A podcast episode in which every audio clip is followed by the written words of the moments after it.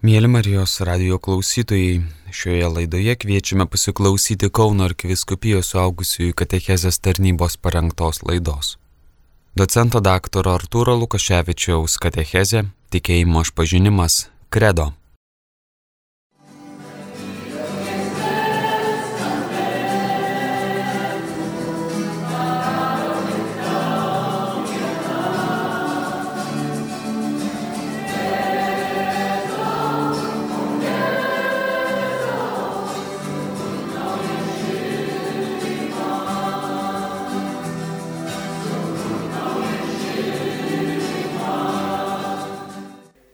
Šiandien tema yra kredo. Lotiniškas žodis reiškiantis tikiu. Ir šituo lotinišku žodžiu jisai tapo terminu išreiškiančiu tikėjimo išpažinimus. Šiandien panagrinėsime du pačius svarbiausius katalikų bažnyčios tikėjimo išpažinimus. Tam, kad juos taip tikriau įeitume, prisiminkime, kas yra iš viso tas tikėjimo išpažinimas. Ką reiškia žodis tikėti iš viso? Tikėti tai reiškia du dalykus. Pirmiausia, asmeninį ryšį su Dievu ir tada iš to asmeninio ryšio su Dievu kylantį pritarimą viskam, ką Dievas sako, ką Dievas apreiškia. Tai va tie du dalykai. Pirmiausiai, labiausiai pamatinis dalykas yra tas asmenės ryšys su Dievu. Ir tada iš to asmeninio ryšio nuosekliai kylantis pritarimas viskam, ką Dievas sako. Ir pastebėkite, jeigu žmogus sakytųsi, turys pirmą, bet atsisakytų antrojo, tai kažkas netvarkoja su pirmo. Aiškia, nebūtų teisinga sakyti, aš turiu nuostabų, gyvą, tikrą, gilų ryšį su Dievu, bet aš ne visai tikiu tuo, ką Dievas pranešė, ką Dievas apreiškė. Štai to punkto ne, ir to, ir to, ir to nelabai. Tai kažkas ne visai tvarkoj tada yra su ryšiu. Tai tie du dalykai yra artimiausiai susiję. Štai ir tada mūsų katechumenato pirmoji dalis buvo skirta tam asmeniam ryšiui su Dievu. Daugiausiai dėmesio skiriame žvelgdami į asmenį ryšį su Dievu, kurio mums visiems gyvybiškai būtinai reikia. Ir dabar pradedame nagrinėti antrąją dalį. Kągi Dievas apreiškė arba papasakojo arba perdavė savo tautai, kad mes žinotume tiesą ir ją galėtume gyventi, per ją galėtume gyventi. Tai ir yra tas, tai, ką Dievas apreiškė, o tai mes tikime todėl, kad tikime Dievu. Aiškia, tuo, ką Dievas apreiškė, tikime todėl, kad iš pradžių tikime Dievu, asmenis ryšys su Dievu. Ir praeitą kartą skaičiau jums tą gabaliuką iš to anglų rašytojo Lewis knygos tiesiog krikščionybė, kurioje jisai sulygina tikėjimo tiesas su žemėlapiu. Ir sako, jos yra svarbios.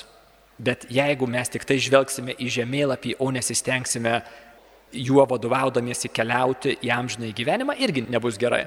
Aiškia, žemėlapis tikėjimo tiesos, bet reikia tada dėtis kuprinę ant pečių ir leistis į kelionę, vadovaujantis žemėlapiu. Tai va tie du dalykai praktika ir tikėjimo tiesos, kaip teorinė dalis turi eiti kartu. Kasgi tie tikėjimo išpažinimai?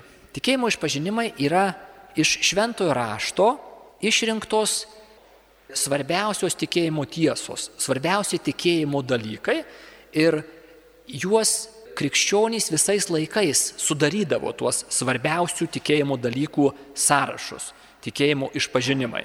Pats ankstyviausias, pirmasis Tikėjimo išpažinimas jau apaštalo Pauliaus laiškose esantis, tai reiškia praėjus vos keliolikai metų po Jėzaus mirties ir prisikėlimo, yra ta labai trumpa formulė - Jėzus yra viešpats. Jau ją nagrinėjome, tas Jėzus yra viešpats. Pati pati ankstyviausia krikščioniškojo tikėjimo išpažinimo formulė.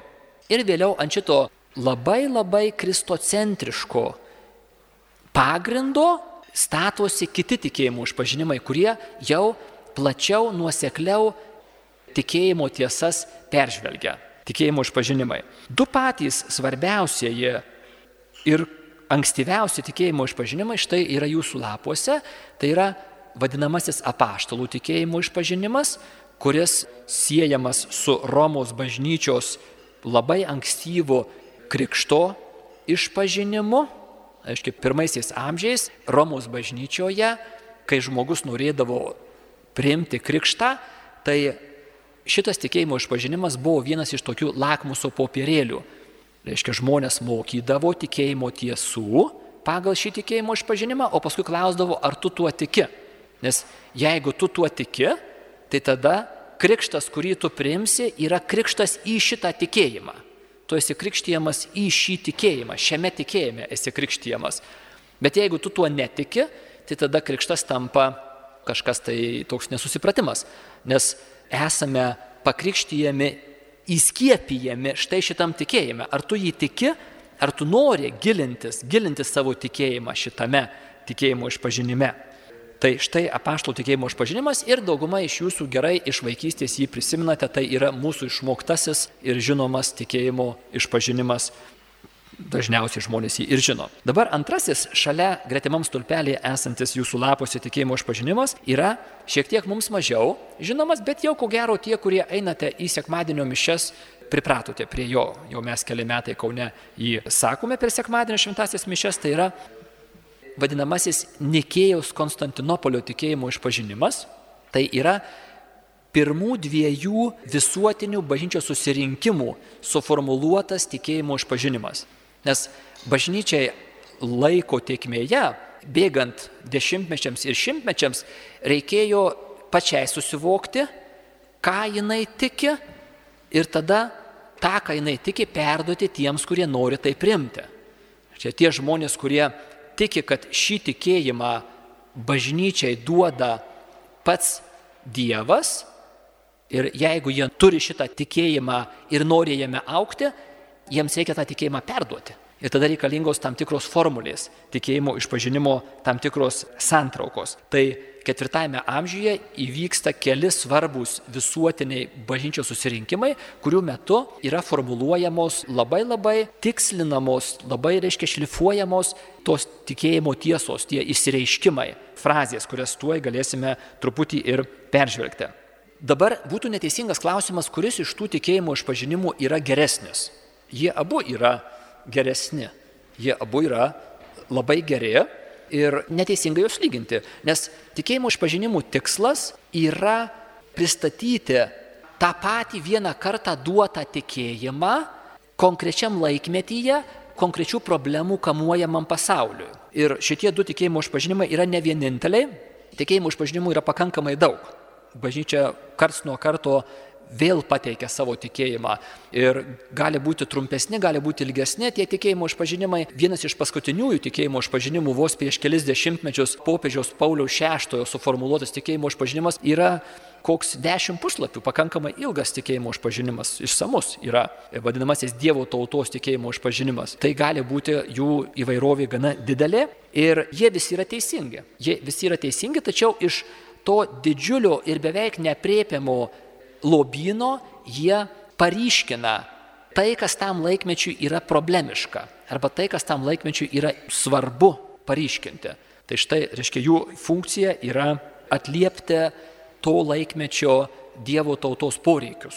Ir už tai nėra teisinga, reiškia, lyginti, kuris iš jų geresnis ar teisingesnis. Nes kartais galite bažnyčioje sutikti žmonių ar, ar šalia bažnyčios žmonių, kurie sakytų, nu va štai kas čia dabar per naujovį kalbam, dabar kažkokį tai naujovišką, modernišką tikėjimo išpažinimą, o tai kodėl anas jau negeras. Ne, ne, ne, abu jie yra labai geri, tačiau Lietuvoje dėl sovietmečio pakeitimai mišių šventime, vadinamoji liturginė reforma, buvo atidėta ir tai, kas visuotinėje bažnyčioje jau seniai yra sekmadienio mišiuose kalbamas Nikėjos Konstantinopolio tikėjimo išpažinimas pas mus Lietuvoje dar tik dabar ateina. Tai nėra moderniška, tai yra labai senas dalykas, ketvirto amžiaus tikėjimo išpažinimas, tas ilgesnysis yra.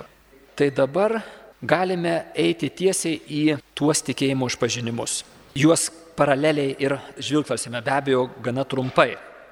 Abu tikėjimo išpažinimai prasideda pareiškimu, pozicijos išreiškimu. Tikiu. Tikiu. Tam, kad galėtumėte ir aš, kad mes galėtume šitą savo pozicijos išreiškimą padaryti neformaliai, bet realiai, reikia šituos tikėjimo išpažinimus asmeninėje maldoje gerai apmastyti. Nes jeigu mes to būsime nepadarę, tai tada bus tik tai atburblenimas arba kaip papūga atkartojimas frazių, kurių nelabai suprantu, nesu apmastęs, nes man jos nelabai svarbios.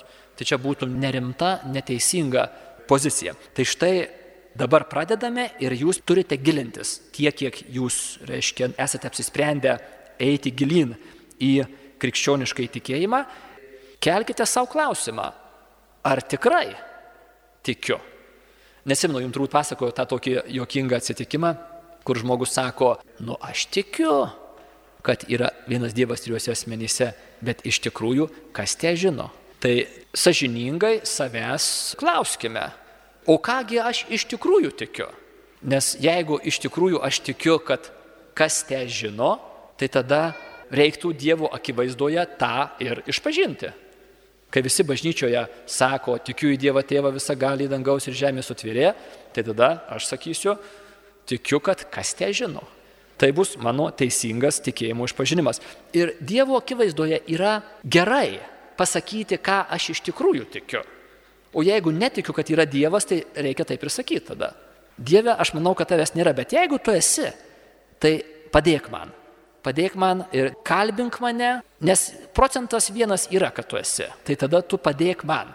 Tai bus daug teisingesnė ir sveikesnė laikysena Dievo atžvilgiu, vedanti į gilesnį santykį. Dievas kalbins, jam labai rūpime, jisai labai nori su mumis, jis neresi iš kailio, bet jeigu žmogus, kuris iš tikrųjų netiki, jisai sako, tikiu, tikiu, tikiu, tikiu, tikiu, nu tai tada jį sunku užkalbinti. Nes kai Dievas tik tai pradeda šnekinti, sako, bet klausyk, brolyti, juk tu iš tikrųjų ko gero abejoji gerokai. Ne, ne, ne, ne, tikiu, tikiu, tikiu. Ir tada sunku prabilti tokiam žmogui. Tikiu. Ir tada, ar tikrai? Tikiu Dievą. Ir žiūrėkite, dabar dedame kablelį po šito žodžio. Nes Dievas yra ir tėvas, kurį aptarsime pirmajame punktelėje, ir sūnus, kurį pradedame aptarti antrajame punktelėje ir toliau aptarėme, ir taip pat prieš galą, reiškia, yra šventoji dvasia. Kredo yra sustruktūruotas pagal trejybinę struktūrą. Prisimenat, praeitą kartą kalbėjome apie Dievas švenčiausioji trejybė, šią tikėjimo tiesą. Ir štai ta trejybinė struktūra šitame kredo tikėjimo tiesų išdėstymė yra išlaikoma. Ir Dievas yra tiek tėvas, tiek sūnus, tiek šventoji dvasia. Tai Mes Lietuvoje esame šiek tiek įpratę, taip truputį kaip žirnius išberti, tikiu į Dievą Tėvą visą gali dangą, dadadadada, vardant Dievo Tėvo ir Sūnaus ir Šventosios Dvasios. Tai nėra blogai, bet toksai kablelių nepadėjimas per silpnai pabrėžia tikėjimo tiesą, kad ir Sūnus yra tikras Dievas, ir Šventoji Dvasia yra visiškai tikras Dievas, taip pat kaip ir tėvas. Ir tėvas, ir Sūnus, ir Šventoji Dvasia yra vienodai tikras, visiškas Dievas. Tai tas vat Dievas nėra kartojama paskui, reiškia žodis Dievas, bet jisai yra taikytinas ir tėvui, ir sūnui, ir šventai dvasiai. Tada pirmas punktelis yra skirtas tėvui, pirmajam asmeniui. Apaštalų tikėjimo išpažinimas - tikiu Dievą, tėvą visą gali dangaus ir žemės sutvėrėja, o Nikėja sako, tikiu vieną Dievą, visagalį tėvą, dangaus ir žemės, regimosios ir neregimosios visatos kurėją. Iš visų Dievo savybių yra pasirinktos labai nedidelė dalis tik tai. Dievo visagalybė pasirinkta ir Nikėja dar pabrėžia Dievo vienumą. Tikiu vieną Dievą. Yra tik tai vienas Dievas. Ir tada apie tėvą kalbant yra pabrėžiama visagalybė ir tai, kad jis yra kūrėjas jo kaip kūrėjo, to, kuris duoda buvimą viskam šitą savybę. Dabar dangus ir žemė, tiek apaštalų kredo, tiek Nikėjos Konstantinopolio kredo, dangus ir žemė reiškia viską. Viskas. Tokia štai formuluotė, dangus ir žemė. Taigi viskas, kas egzistuoja, kas turi egzistenciją, tą egzistenciją gauna iš vieno vienintelio šaltinio - iš Dievo. Dievas yra kūrėjas. Dangus ir žemė. Nikėja dar praplečia regimosios ir neregimosios visatos. Ta žodis visata toks gana gamtamokslinis terminas čia panaudotas yra, bet vėlgi norėtų pasakyti, kad viskas, kas yra, tiek regima, tai yra materialioji visata, visai nesvarbu, kokio dydžio jinai būtų, ar jinai yra begalinė, ar jinai yra baigtinė. Čia yra gamtamokslio klausimas. Ir taip pat neregimoji visata, dvasinis pasaulis. Visko, kas egzistuoja, kuriejas šaltinis yra tas pats, vienintelis - Dievas. Neregimoji visata - angelai. Tai reiškia dvasinės būtybės, dvasinės realijos.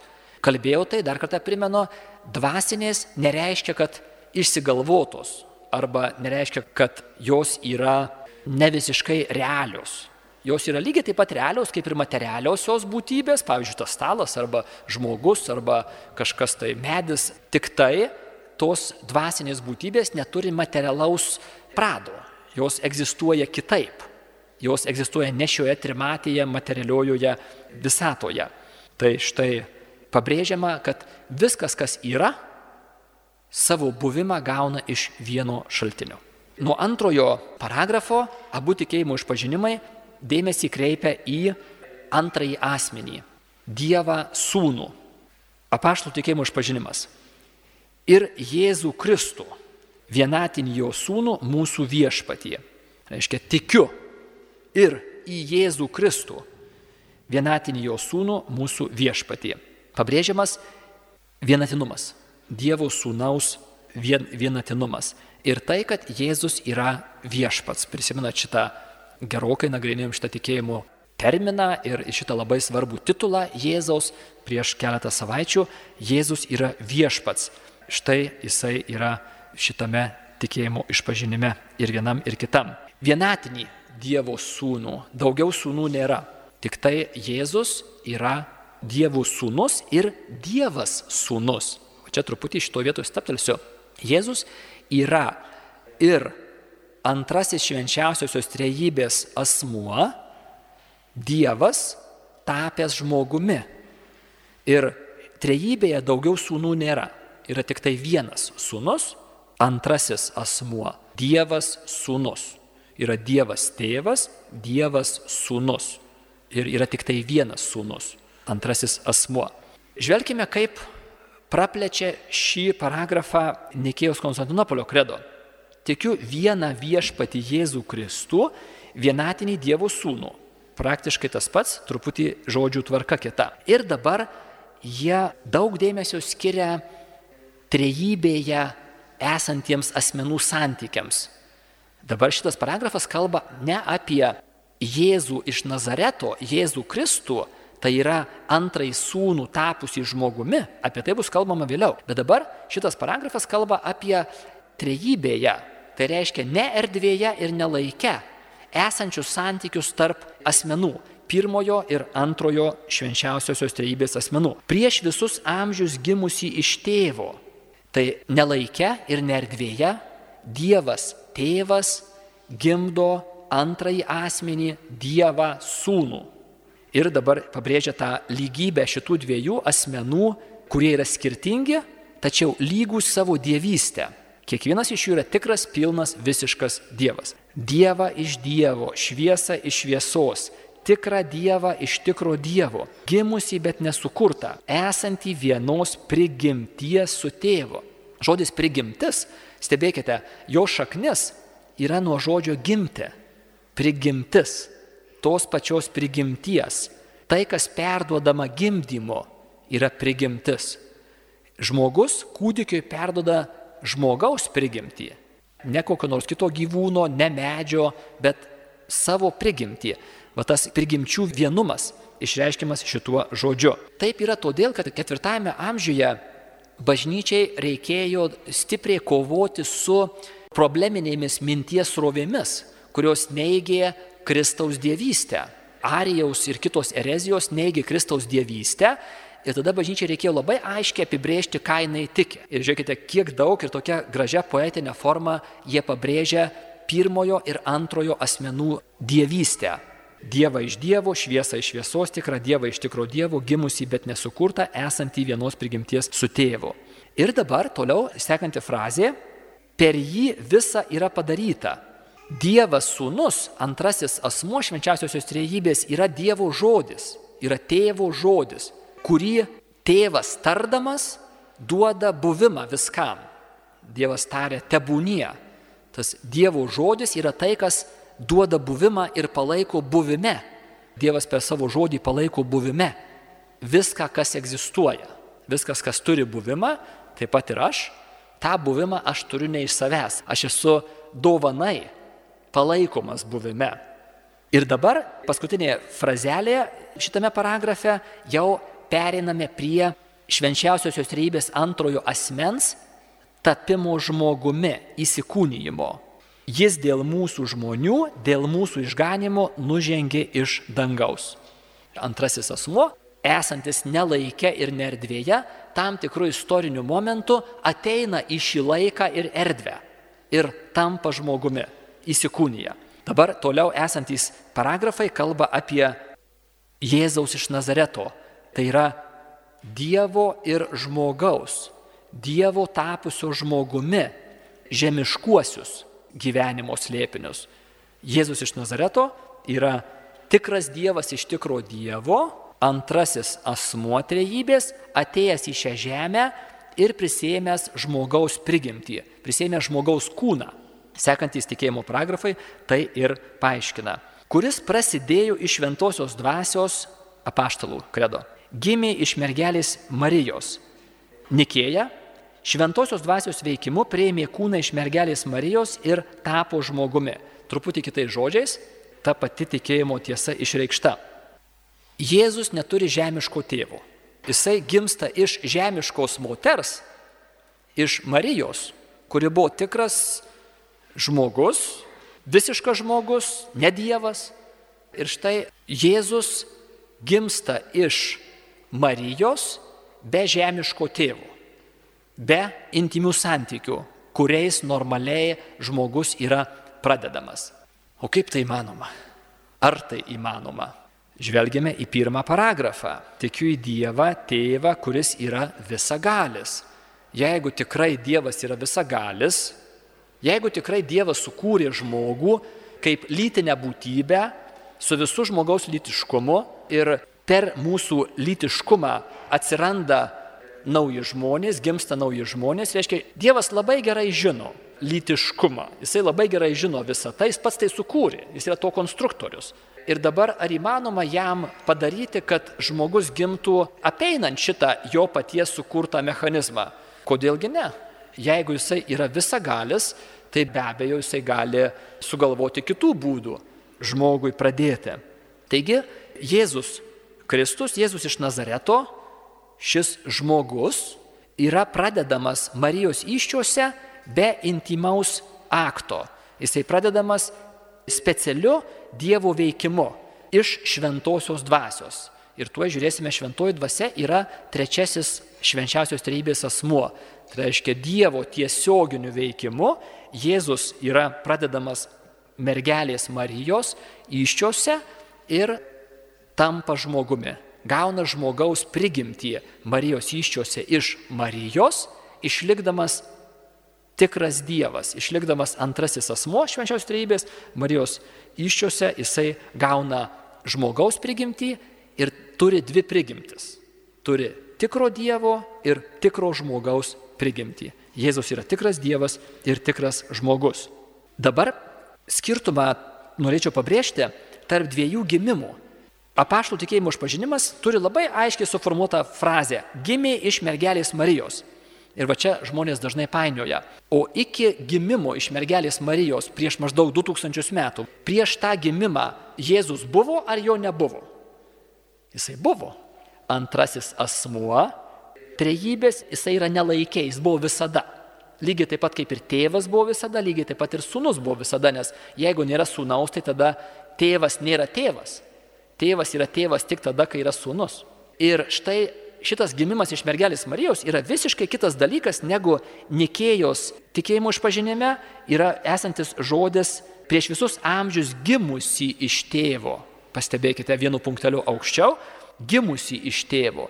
Tai čia šitas gimimas Nikėjos kredo esantis, jisai kalba apie tą nelaikę ir nerdvėje esantį antrojo asmens gimimą iš pirmojo asmens. O apaštų tikėjimo išpažinime esanti frazė gimė iš mergelės Marijos kalba jau apie visai kitą gimimą, apie tą gimimą, kai antrasis asmuo ateina į laiką ir į erdvę, labai susiprastina, susimažina ir gimsta kaip verkiantis kūdikis. Bejėgis, įvystiklus darantis kūdikis.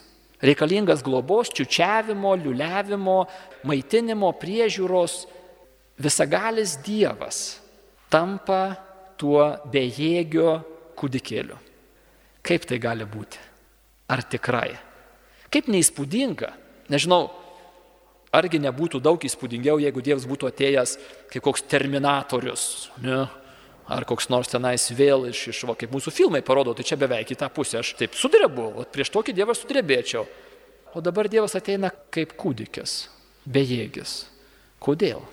Kodėl jis taip daro? Toliau yra praleidžiamas Jėzaus uždarasis gyvenimas, tai yra jo gyvenimas su Marija ir su Juozapu Nazarete, vykęs maždaug apie 30 metų ir periname prie Jėzaus Velykų slėpinio, prie jo kančios, mirties ir prisikėlimo slėpinių. Apaštalų tikėjimo išpažinimas. Kentėjo prie Poncijos piloto, buvo prikaltas prie kryžiaus, numiręs ir palaidotas, nužengė į pragarus. Štai didžiosios savaitės pagrindiniai įvykiai čia labai lakoniškai sudėlioti. Kągi sako Nikėja, valdant Poncijui pilotui, jis dėl mūsų buvo prikaltas prie kryžiaus, nukankintas ir palaidotas. Abu tikėjimo išpažinimai mini kažkokį tai Poncijų pilotą. Kasgi jis toksai? Labai nežymus valdininkėlis. Ne imperatorius, ne karalius. Buvo Romos imperatoriaus vietininkas valdyti tam tikrai žydų tautos daliai judėjai valdyti. Kadangi žydai buvo pakankamai maištingi ir neramus, tai Romai, okupavus Izraelį, po kurio laiko teko atsiųsti į sostinę Jeruzalę tiesioginį, buvo tiesioginis valdymas įvestas, nes jie buvo pakankamai neramus. Tai buvo atsiųstas komendantas ir jisai turėjo garnizoną kariai. Taip tas komendantas periodiškai būdavo keičiamas ir Jėzaus kančios mirties prisikėlimo metu pasitaikė taip, kad Jeruzalę valdė toksai Poncijus pilotas. Šiaip jisai yra visiškai nežymus ir iškyla klausimas, kodėl jis čia yra iš viso minimas ir dar vardu. Priežastis yra ta, kad krikščionims buvo labai svarbu pabrėžti šių įvykių istoriškumą. Todėl jie nurodo konkretų Romos valdininką, dalyvavusi didžiosios savaitės įvykiuose, o tai jau galima patikrinti Romos metraščiuose ar kituose valstybės dokumentuose. Krikščionys pabrėžė, kad Jėzus gyveno, mirė ir prisikėlė labai istoriškai. Tai vyko konkrečioje vietoje ir konkrečiu laiku. Taigi Dievas tikrai atėjo į šią žemę. Netariamai, neįsivaizduojamai, o tikrai. Kristaus mirtis ant kryžiaus buvo to laikmečio vienas žiauriausių nukankinimo būdų, kuriuo bausdavo maištaujančius ne Romos piliečius. Toliau apaštalų kredo įterpia trumpą paragrafą nužengė į pragarus. Kas tai yra? Po mirties Kristus su siela, bet be kūno, nužengė į mirusiųjų pasaulį ir išvaduoja ten buvusius teisiuosius.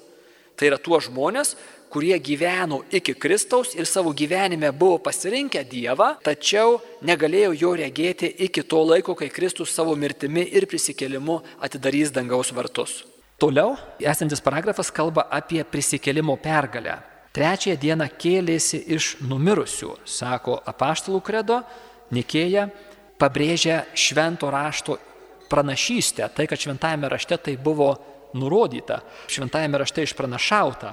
Trečiąją dieną prisikėlė iš numirusių. Jisai keliasi iš numirusių su fiziniu savo tikru žmogaus kūnu tas fizinis žmogaus kūnas yra perkeistas, jisai yra kitoks, jis turi kitas savybės, Jėzus ateina durims esant užrakintoms, Jėzus pasirodo pavydalais, kurie nėra lengvai atpažįstami, tačiau tai yra Jėzus. Kitu atveju jisai ateina pas apaštalus ir liepia jį pačiupinėti, sako, pasižiūrėkite, juk čia tikrai aš esu. Iškia tai yra Jėzus su tikru fiziniu žmogaus kūnu, tačiau tas kūnas jau dalyvauja būsimajame pasaulyje. Jisai jau yra ne tik tai šio pasaulio kenčiančio nuodėmės suniokoto pasaulio dalis, bet jis jau yra pašlovintas, perkeistas žmogaus kūnas. Įžengė į dangų.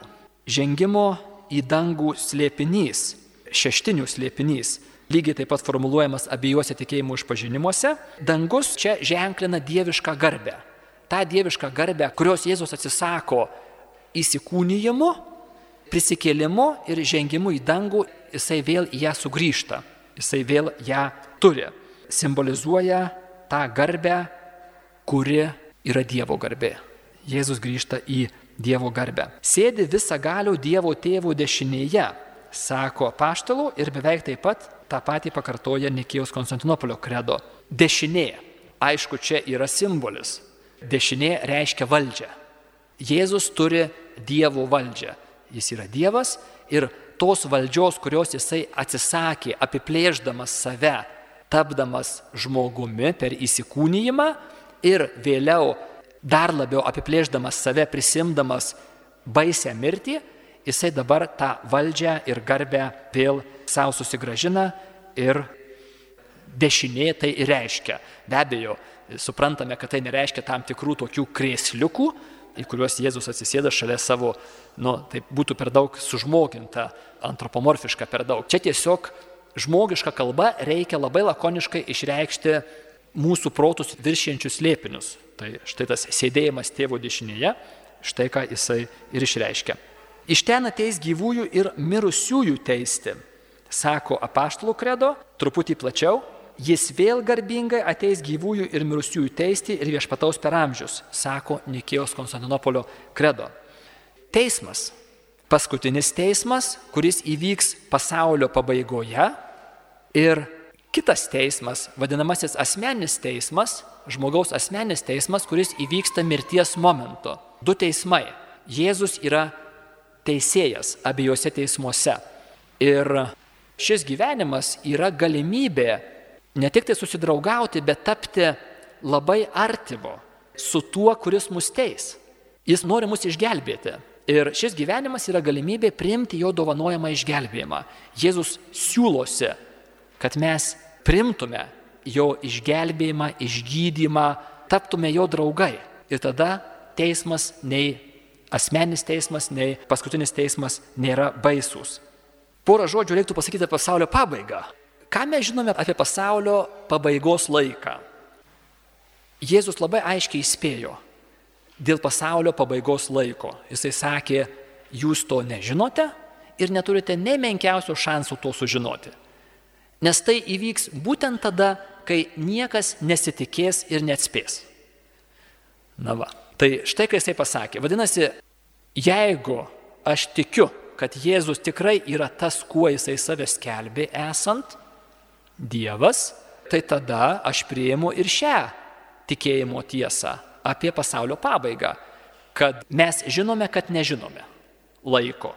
Ir jeigu kas nors mano, kad jis žino pasaulio pabaigos laiką, koks Nostradamas ar koksai Majų kalendorius ar kas nors tai kitas, tai tada jisai matyt rimtesnis žinovas yra už patį Dievą, kuris yra pasaulio istorijos viešpats.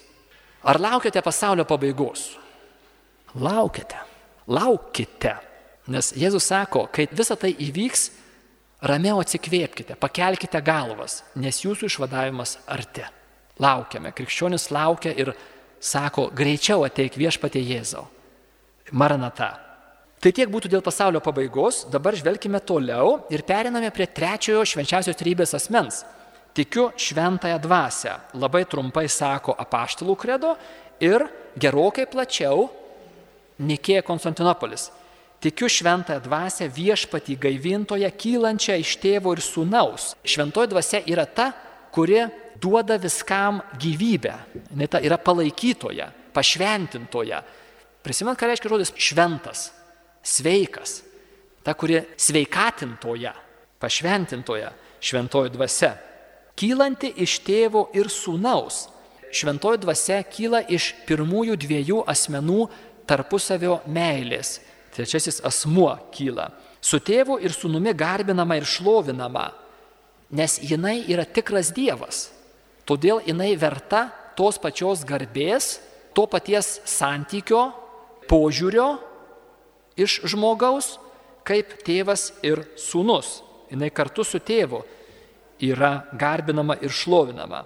jinai yra ta, kuri kalbėjo per pranašus, jinai ta, kuri kalbėjo išganimo istorijoje ir vedė išganimo istoriją.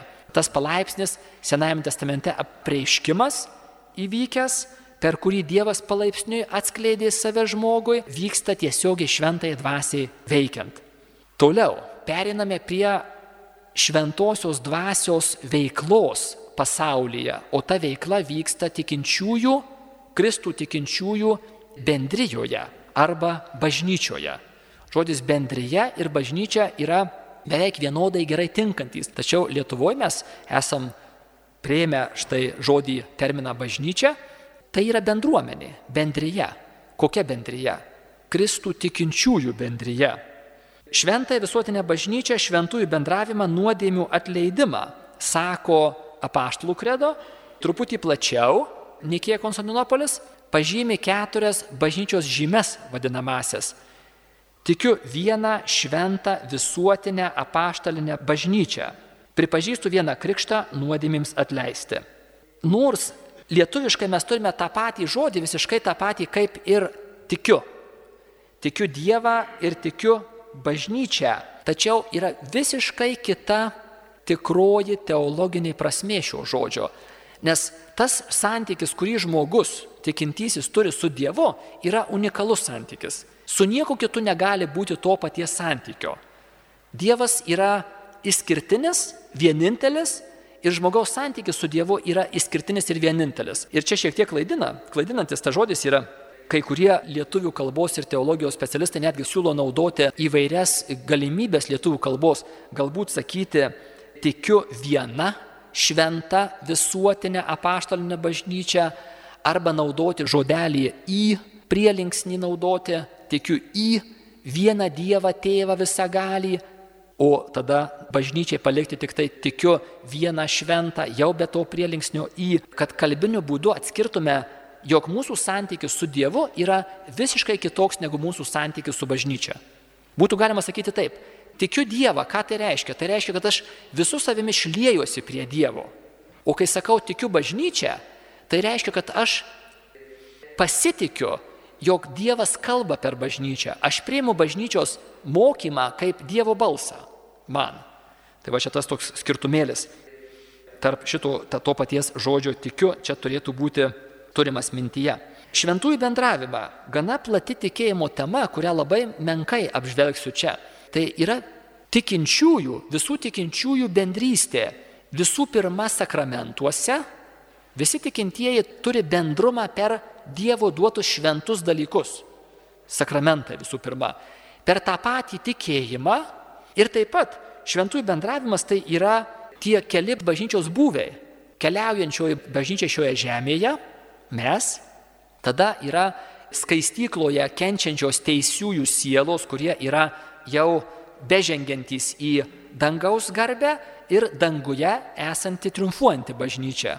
Tai štai bažnyčia Kristaus žmonės, Kristaus atpirkimą prieėmę žmonės žemėje ir tada po mirties laikinoje skaistyklos būklėje arba amžinoje dangaus laimės būklėje. Tai irgi jie tarpusavyje bendrauja ir mes melžiamės už mirusiuosius, ir šventieji mus užtaria, mirę šventieji mus užtaria, tai yra tas šventųjų bendravimas. Tikiu į galimybę tapti Dievo draugu, pašalinant mane nuo Dievo skiriančias kliūtis. Tos kliūtis yra nuodėmės. Tikiu nuodėmių atleidimą. Tikiu, kad yra galimybė man tapti artimai bendraujančiu su Dievu nuodėmų atleidimas yra įmanomas. Ir čia jisai pabrėžiamas kredo. Ir pagrindinis būdas nuodėmėms atleisti yra, atkreipkite dėmesį, jisai yra užrašytas. Pagrindinis būdas nuodėmėms atleisti yra krikštas. Štai tie tarp mūsų, kurie ruošiatės krikštui, vienas iš svarbiausių dalykų, kad duoda krikštas, jisai atleidžia nuodėmės. Toliau, vėliau praktikuojamas sutaikinimo sakramentas arba išpažintis yra tolesnė ir ant krikšto stovinti malonė. Bet pagrindinis būdas nuodėmėms atleisti Dievo duotas yra krikštas. Ir tai, kad mes turime galimybę tapti artimai bendraujančiai su Dievu, tą galimybę mums duoda krikštas.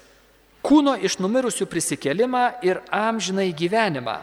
Sako apaštalų kredo ir Nikėja beveik tą patį - laukiu. Kreipia dėmesį, yra žodis laukiu. Ar tikrai laukiame? Mirusiųjų prisikėlimo ir būsimo amžinojo gyvenimo. Taip mes kelsimės iš numirusiųjų. Žmogaus fizinis kūnas, kuris mirtimi, reiškia, atsiskiria siela nuo kūno, siela yra nemirtinga, o kūnas dėl nuodėmės yra mirtingas, kūnas sudūla, supūva žemėje paprastai, gali būti ir ne tik žemėje, ir pasaulio pabaigoje mūsų kūnai kelsis, mums bus sugražinti kūnai. Ir kūnas, žmogaus materialus kūnas, panašiai kaip Jėzaus materialus kūnas po prisikėlimo, bus sujungtas vėl su žmogaus siela. Mūsų kūnai ir mūsų sielos vėl bus sujungtos pasaulio pabaigoje.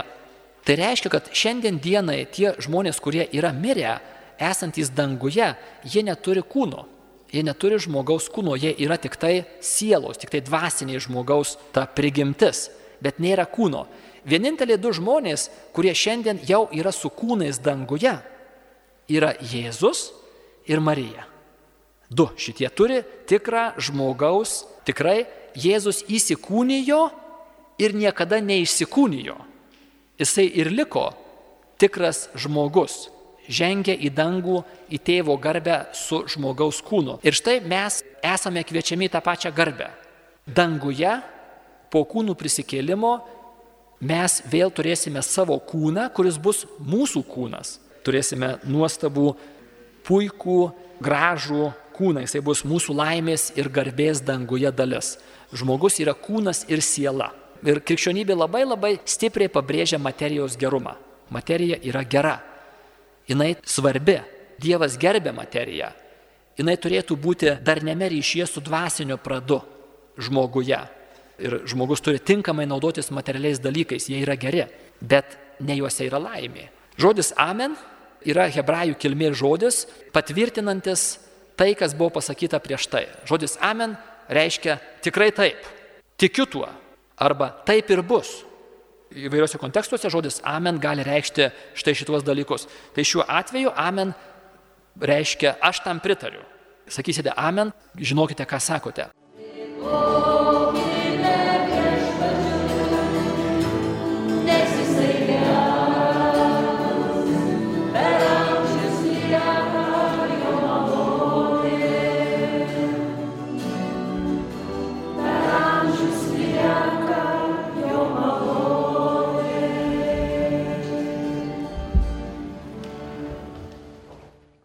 Mėly Marijos radijo klausytojai, šioje laidoje klausėmės Kauno arkiviskupijos augusiųjų katechezės tarnybos parengtos laidos.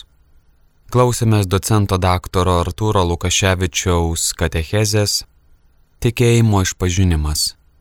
Kredo. Likite su Marijos radiju.